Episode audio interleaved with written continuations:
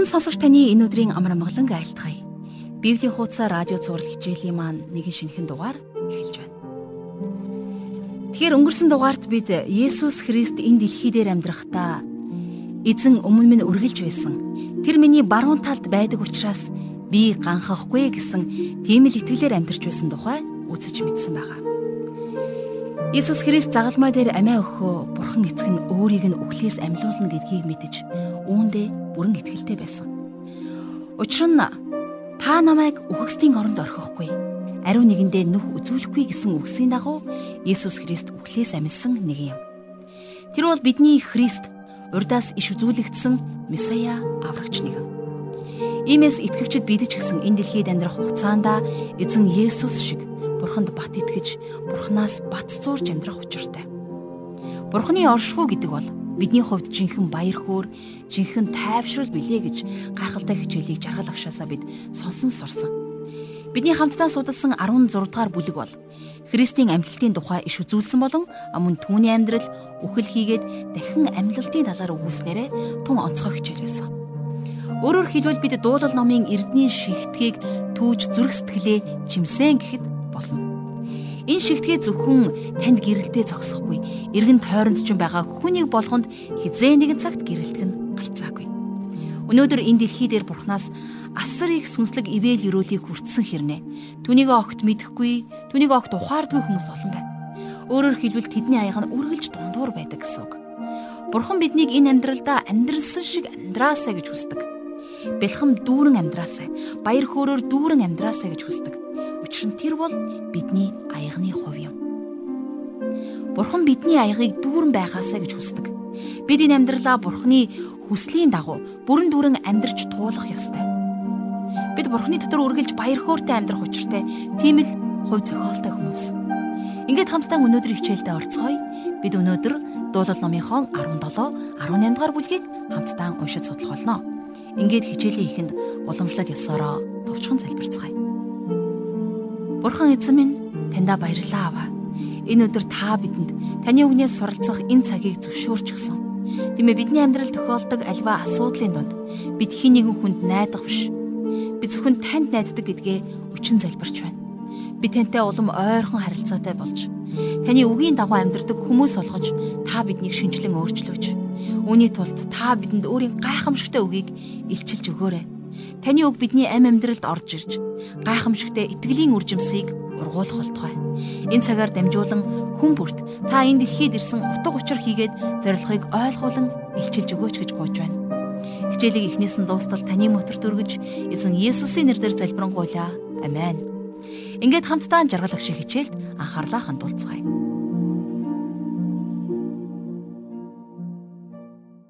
За өнөөдрийнхөө хичээлээр бид хамтдаа дуулал номынхон 17-оос 18 дугаар бүлгийг үзэх болно. За бидний эхний үзэх 17 дугаар бүлгийг Давидын залбирал гэж нэрлэдэг. За энэхүү дуулалыг Давид чухам яг хизээ бичсэн нь тодорхойгүй байдаг ч гэсэн Саул болон тэрний хүмүүсээс зүхтан нуугдж явах үед бичсэн байхаа гэж үздэг.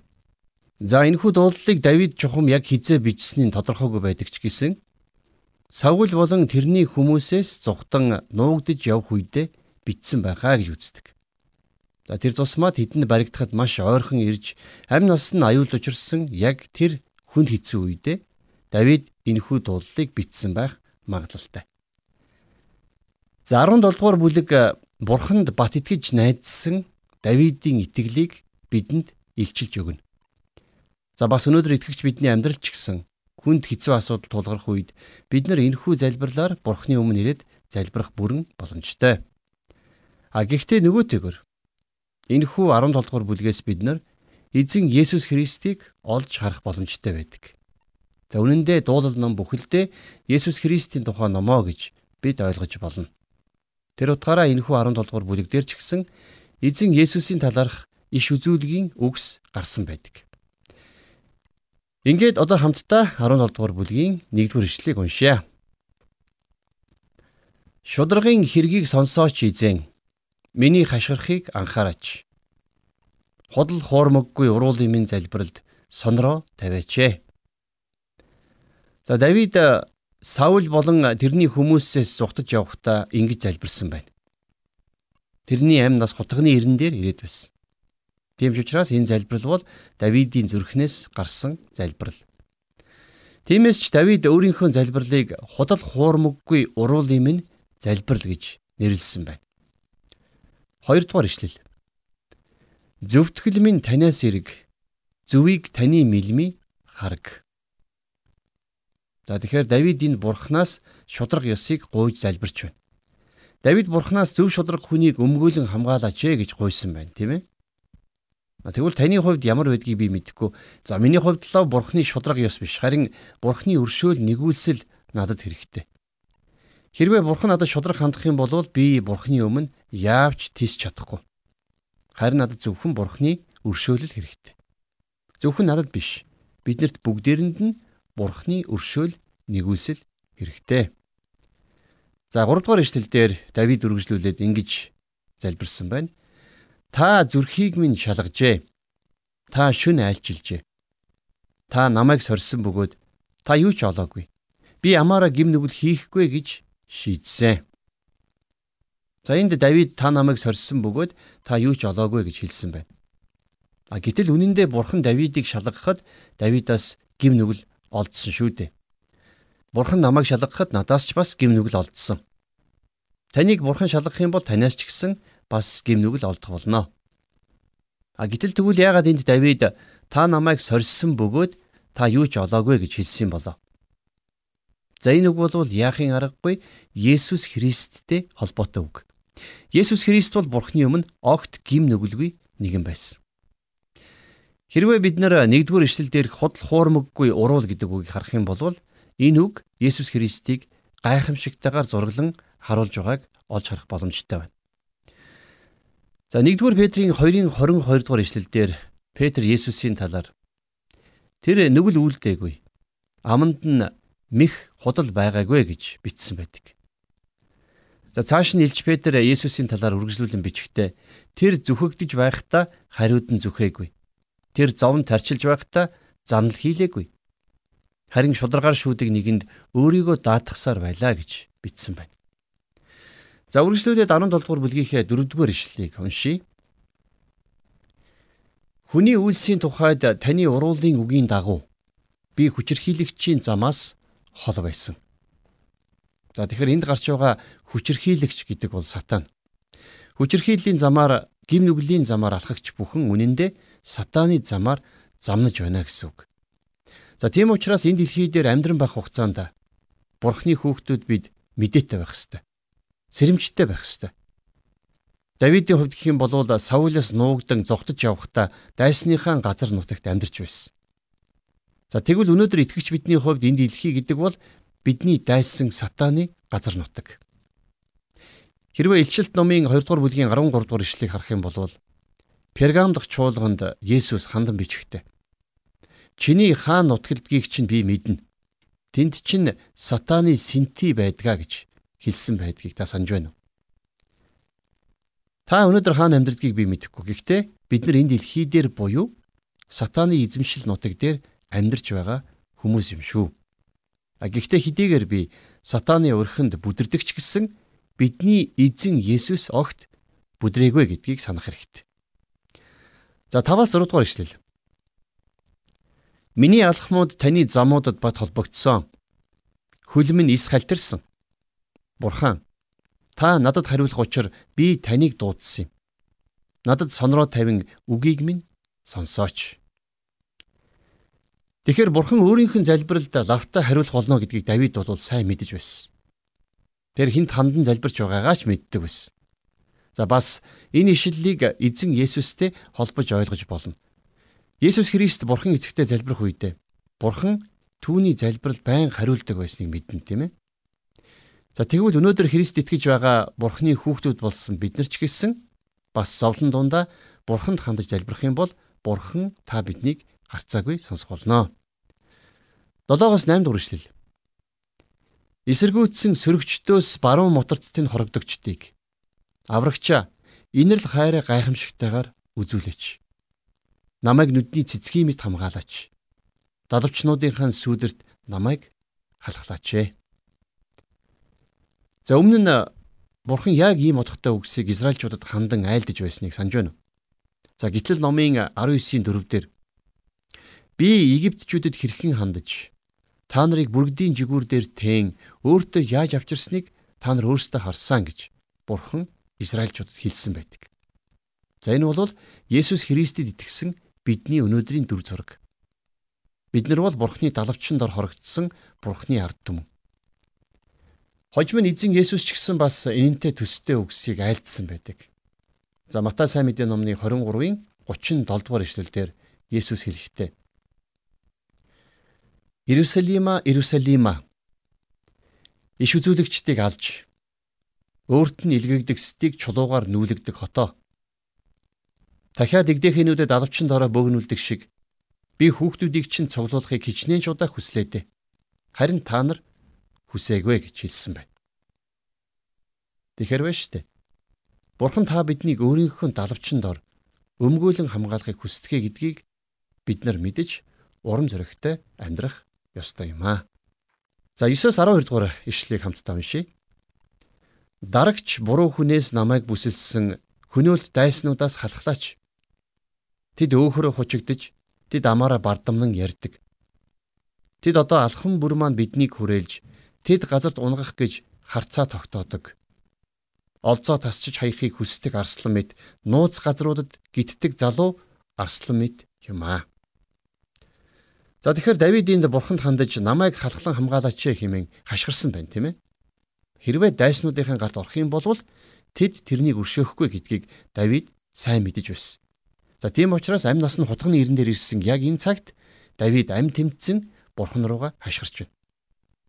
А гэхдээ бурхан өөрийг нь сонсож байгаа гэдэгт үйлдэнд нь лавтаа хариулна гэдэгт Давид бат итгэж байсан. 13-аас 15 дугаар ишлэл.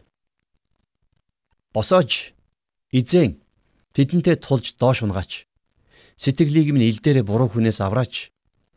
Энэ амьдралд хуваа хүртсэн ертөнцийн хүмүүсээс эзэн та мутраараа авраач. Тэдний хөвлийг та эрдэнцээрээ дүүргдэг билээ.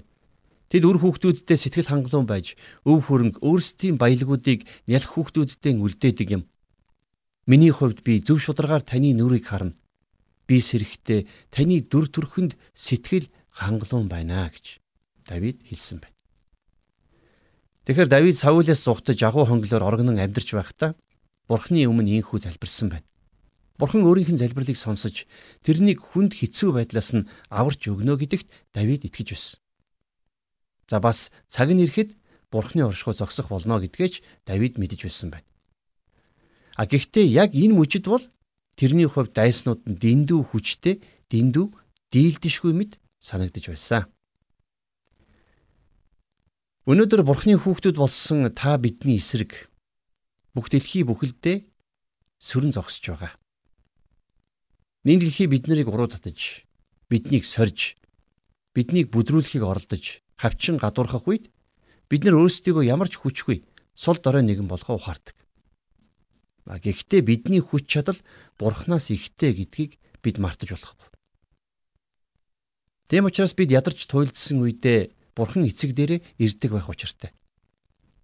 Амьдралынхаа хамгийн хүнд хэцүү цаг мөчид Давид Бурхан руу хандсан гэдгийг бид сая харлаа тийм ээ. Бидний эзэн Есүс ч гэсэн бас л ийм зүйлийг хийсэн. Тэгвэл бид нар ч гэсэн бас адилхан сонголт алхмыг хийж байх ёстой. Та бидний амьдралд хүнд хэцүү асуудлууд биднийг эсэргүүцэж биднийг хавчин гадуурхах хүмүүс заавал гарч ирнэ. Үнэн дээр энэ бүхэн бидний итгэлийн амьдралын салшгүй хэсэг юм шүү дээ. Харин яг энэ хүнд хэцүү цагт та энэ 17 дугаар дуулалыг санаарай. За одоо харин үргэлжлүүлээд дуулалынхаа 18 дугаар бүлгийг гаргацгаая. За энэ бол Давидын зохиосон өөр нэгэн сайхан яруу дуулал байна. Тэгэхээр Давид энд маш олон гайхамшигтай үгсийг хэлсэн байдаг. Бурхан өөрийн Саулийн гараас аварч тэрнийг ивэж өрөөснийхэн төлөө өөрт нь ялалтыг өгснийхэн төлөө Давид Бурханд талархал магтаалыг энд өргөссөн байна. За ингэхдээ Давид Бурхныг хайрлах зүрх сэтгэл өөрийнхөө чин үнэнч байдлыг ч гэсэн илэрхийлэн дуулсан байдаг. За Давидыг Саулаас амь золбон зүхтан нуугдж явхад ч тэрнийг Израилийн хаан ширээн залрахад нь ч хамгийн дотны хүмүүс нь Давидаас урваж тэр бүхэл хайртай хүүн хүртэл Давидыг алхаар ирэлхийлж байх үед ч гэсэн За бас харь үндэстнүүдтэй дайтан тулалдаж явхад нь ч гэсэн нэг л зүйл Давидтэй үргэлж хамт байсан. Энэ бол Бурхны хайр. Бурхны оршихуй байсан тийм ээ. Тэгэхээр Бурхны хүчээр Давид дайсан бүхнээ дарж чадсан. Тэгээд тэр өөрийнхөө амьдралыг эргэн харахтаа Бурхан өөрт нь ялалтыг өгч байсан юм а гэдгийг гэрчлэн дуулсан байна. За дуулалтын 18 дугаар бүлгийг бид 2 дугаар Самуэль номын 22 дугаар бүлэгтээ зэрэгцүүлэн харж болно. Өмнө нь 2 дугаар Самуэль номыг үзэж байхдаа бид нар энэ талаар цохос дурдаад өнгөрсөн шүү дээ. Үнэн дээр энэхүү 18 дугаар бүлэг болвол бидэнд харагдаж уншигдаж байгаагасаа ч хавьгүй гүн гүнзгий утга учиртай юм. Эдгээр үгс бидэнд бидний эзэн Есүс Христийн та бидний төлөө эдэлсэн зовлонг сануулдаг. За ингээд хамтдаа дуулал номынхон 18 дугаар бүлгийг дэлгээд эхний ишлэгийг уншаа. Хүч минь болдог эзэн таньда би хайртай. Заримдаа итгэгчид хуучин гэрэн дээр хайрын тухай нэг их гардггүй гэж боддгийн. А гэтэл энэ бол том эндүрэл. Давид хаан энд бурханд хайртай гэдгийг хэлсэн байгаа биз? Тэгвэл та хамгийн сүүлд хизээ бурханд хайртай гэдгээ хэлсэн бэ. Бид нар бурханд хайртай гэдгээ хэлэх нь үнэхээр гайхамшигтай агуу зүйл. Бурхан эцэг маань өөрийнхөө хайртай хүүхдүүдээс энэ үгийг сонсохыг маш их хүсдэг. А гэхдээ бид нар эхлээд бурхныг хайрлсан юм биш. Бурхан эхлээд хүмүүн биднийг хайрлсан. Тэр бидэнд эхлээд авралыг өгсөн учраас бид түүнийг хайрладаг. За бас бурхан бол бидний хүч чадал. Давид хаан энд хүч минь болдог эзэн гэж хэлсэн тийм ээ. Тэгэхээр биднийг ядарч сольдох үед зовж зүдрэх цагт бурхан эзэн бидний хүч чадал болдог юм аа. За хоёрдугаар ишлэгийг хамтдаа одоо уншийе. Эзэн бол миний хад, миний цайз, миний аврагч, миний бурхан, миний хорогдох хад, миний бамбай Миний авралын ивэр миний бэхлэлт юм. За Давид хаан энд бурхан бол миний аврагч гэж тунхаглаж байна. Бурхан бол Давид хааны аврагч өмг түшиг хамгаалтанд байсан. За бас энд миний авралын ивэр гэж хэлсэн байгаа биз? Тэгэхээр хуучин гэрээний үед хин нэгэн хүний амь насанд аюул занал учрах юм бол тэр хүн тахилын ширээний ивэрнээс зуурхал юм бол тэр хүний амь насыг хилтрүүлдэг байсан. За өнөөдөр ч гэсэн бас бид нар яг энэ шиг Бурхан эзнээсээ зурх учиртай. Яагаад гэвэл бидний эзэн Бурхан бол бидний авралын ивэр. За цааш нь Давид Бурханыг миний бэхлэлт гэж нэрлсэн байгаа. Тухайн үед бэхлэл цамхаг гэж маш өндөр за сайтар хамгаалагдсан цамхаг хэрэм байдаг байсан. Тэнд цэргүү дайснуудаас хамгаалагдахаас гадна алсын барааг харж дайснуудаас урьдчилан сэргийлдэг байсан. Тэгэхээр өнөөдөр бурхан бол бидний бэхлэлт хэрэм цамхаг юм. Бид өөрсдийн бэхлэлт э, цамхаг болсон бурхандаа хорогдох нь маш чухал байна. За энэ ишлэл дээр бурхны маш олон гайхамшигтай нэрнүүдийг дурдсан байгааг бид сануулсан. А гэхдээ Давид энд нэг онцгой зүйлийг хэлсэн байна. Давид энд дандаа миний гэдэг үгийг ашигласан байгаа.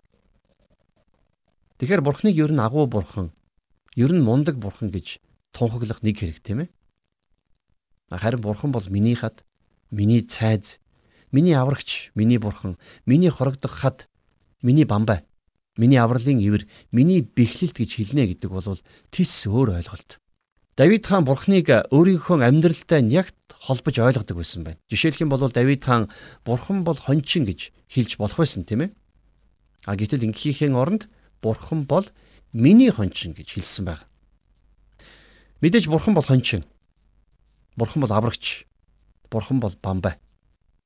А гэхдээ миний гэж хамаатуулж хэлнэ гэдэг бол тис өөр утга санааг илэрхийлж байгаа юм аа.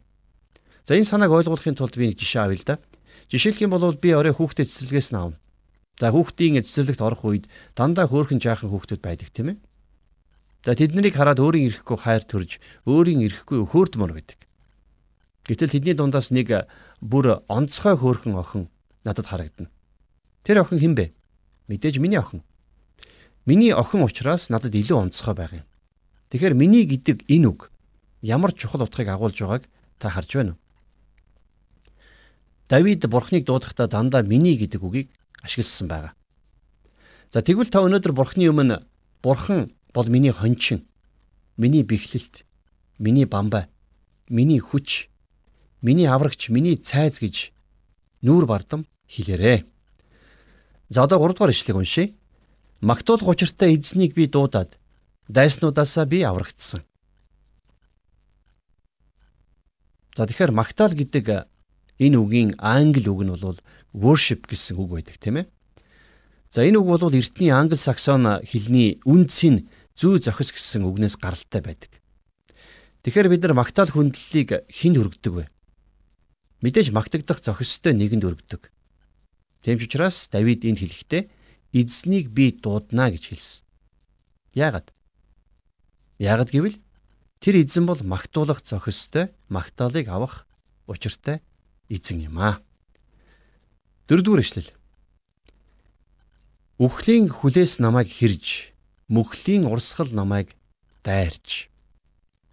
За эндээс харах юм бол бид нар яг Есүс Христийн дүр зургийг дахин харж байна. За энэ бол нэг талаасаа Давидын амьдрал тохиолдсон үйл явдалч гэсэн яг энэ үгс сонгодог утгаараа Есүс Христийн амьдралтай илүү тохирч байгааг бид харах боломжтой. Давид энд өөрийнхөө амьдрал тохиолдсон үйл явдлыг эргэн санаж шүлгэлсэн.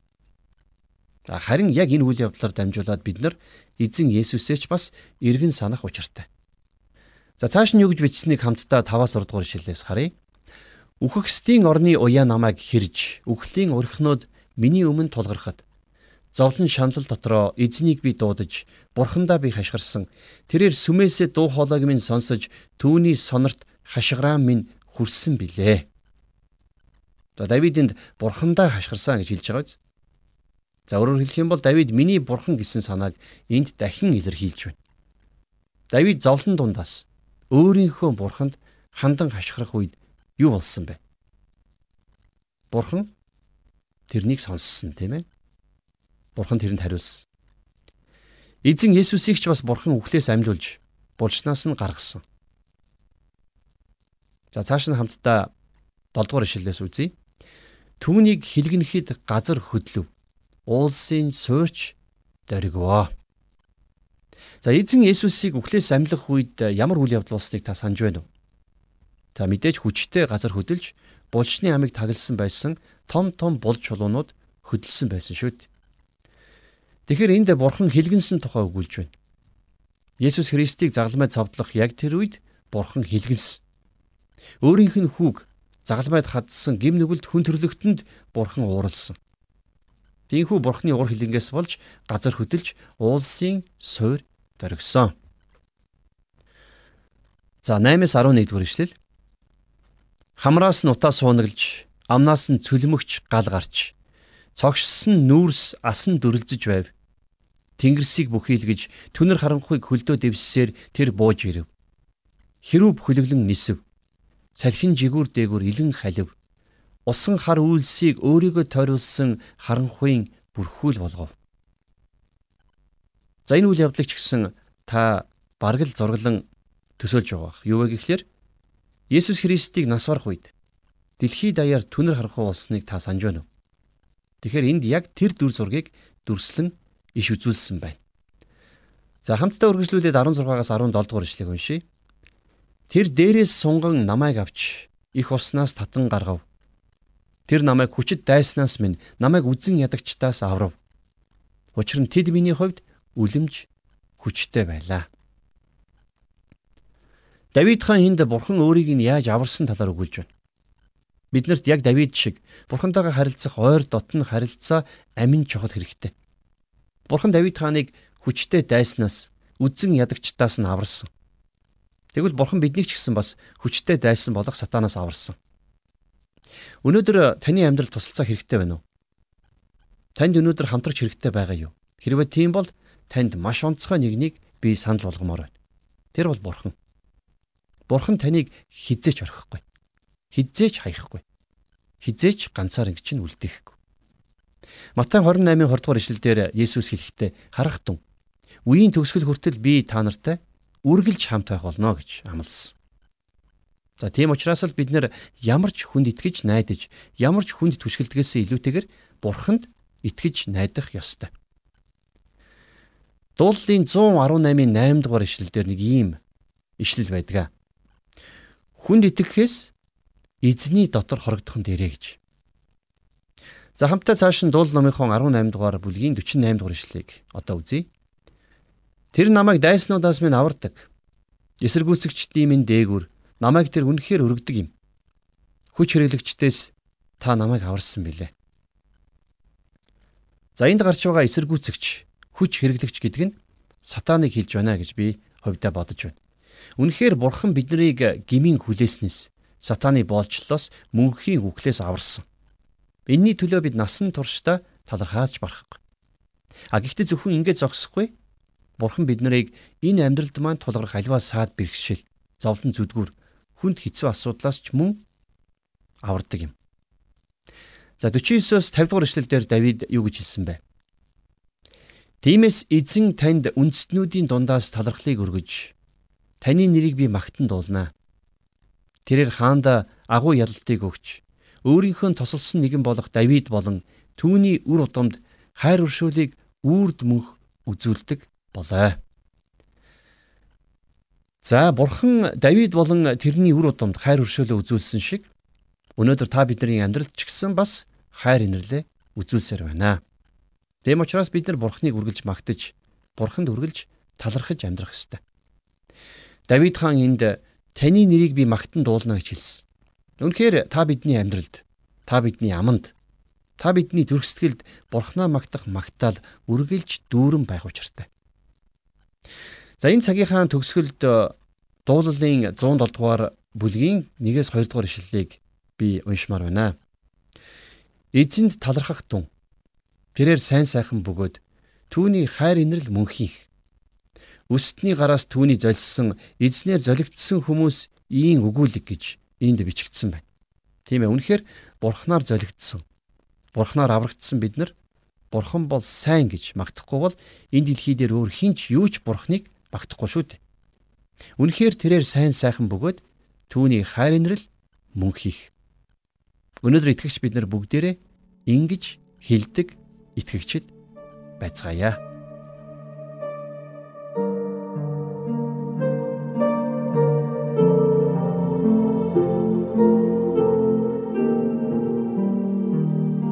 Тэгэхээр эзэн бол миний хад, миний цайз, миний аврагч, миний бурхан Миний хорогдох хад, миний бамбай, миний авралын ивэр, миний бэхлэлт юм. Давид хаан хайртай бурхан эзнээ магтан дуулахдаа миний гэж тунхагласан нэгэн байсан. Мэдээж бурхан бол тэрний аврагч, хамгаалагч, гэрэл нь байсан. А тэгвэл өнөөдөр бид ч гэсэн түн шиг бурхан эзнээсээ зуурч илүү дотноор хандаж яагаад болохгүй гэж?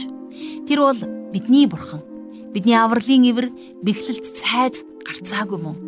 Тиймээс бүгдээрээ өөрсдийн бэхлэл цайз болсон бурхандаа хорогдож амьдарцгаая. Давид хаан бурхныг өөрийн амьдралтай нэгт холбож ойлгодог байсан шиг бид ч гэсэн тийм байцгаая. Ягаад гэвэл тэр бол хүндэтгэл магтаалыг хүртэх ёстой зохистой нэгэн. Яг одоо та өөрөөсөө асуугаад үзээрэй. Давид шиг бурхантай харилцах дотн харилцаа танд байна уу? Хэрвээ байхгүй бол итгэлийн амьдралаа та бурхны агуу үгнээс хүч авч дахин босгох хэрэгтэй. Бурхан Давид хааныг хүчтэй дайснаас үзэн ядагчтаас нь авран хамгаалсан. Тэр биднийг бас хүчтэй дайсан болох сатанаас ч гэсэн аварсан.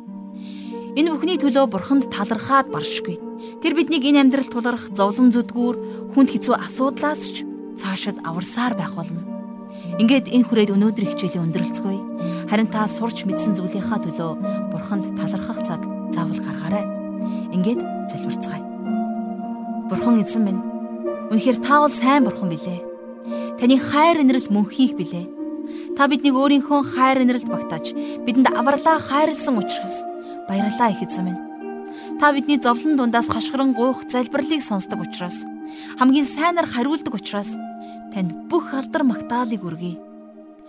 Таныг бид амьдралаараа, үйлсээрээ, үг яриагаараа алдаршуулсан тийм итгэгчд болгон та биднийг өөрчлөөж Давид хаан шиг танд үргэлж итгэл найдвараа өгч танаар цангадаг байх зүрх сэтгэлийг та бидэнд дүүргэж өгөөч гэж гуйж байна. Эзэн минь ээ. Та биднийг мөнхөд ариун сүнсээрээ хөтлөн дагуулаарай. Таны хайртай хүү бидний их эзэн Есүс Христийн нэрээр залбирanгуйлаа. Амен.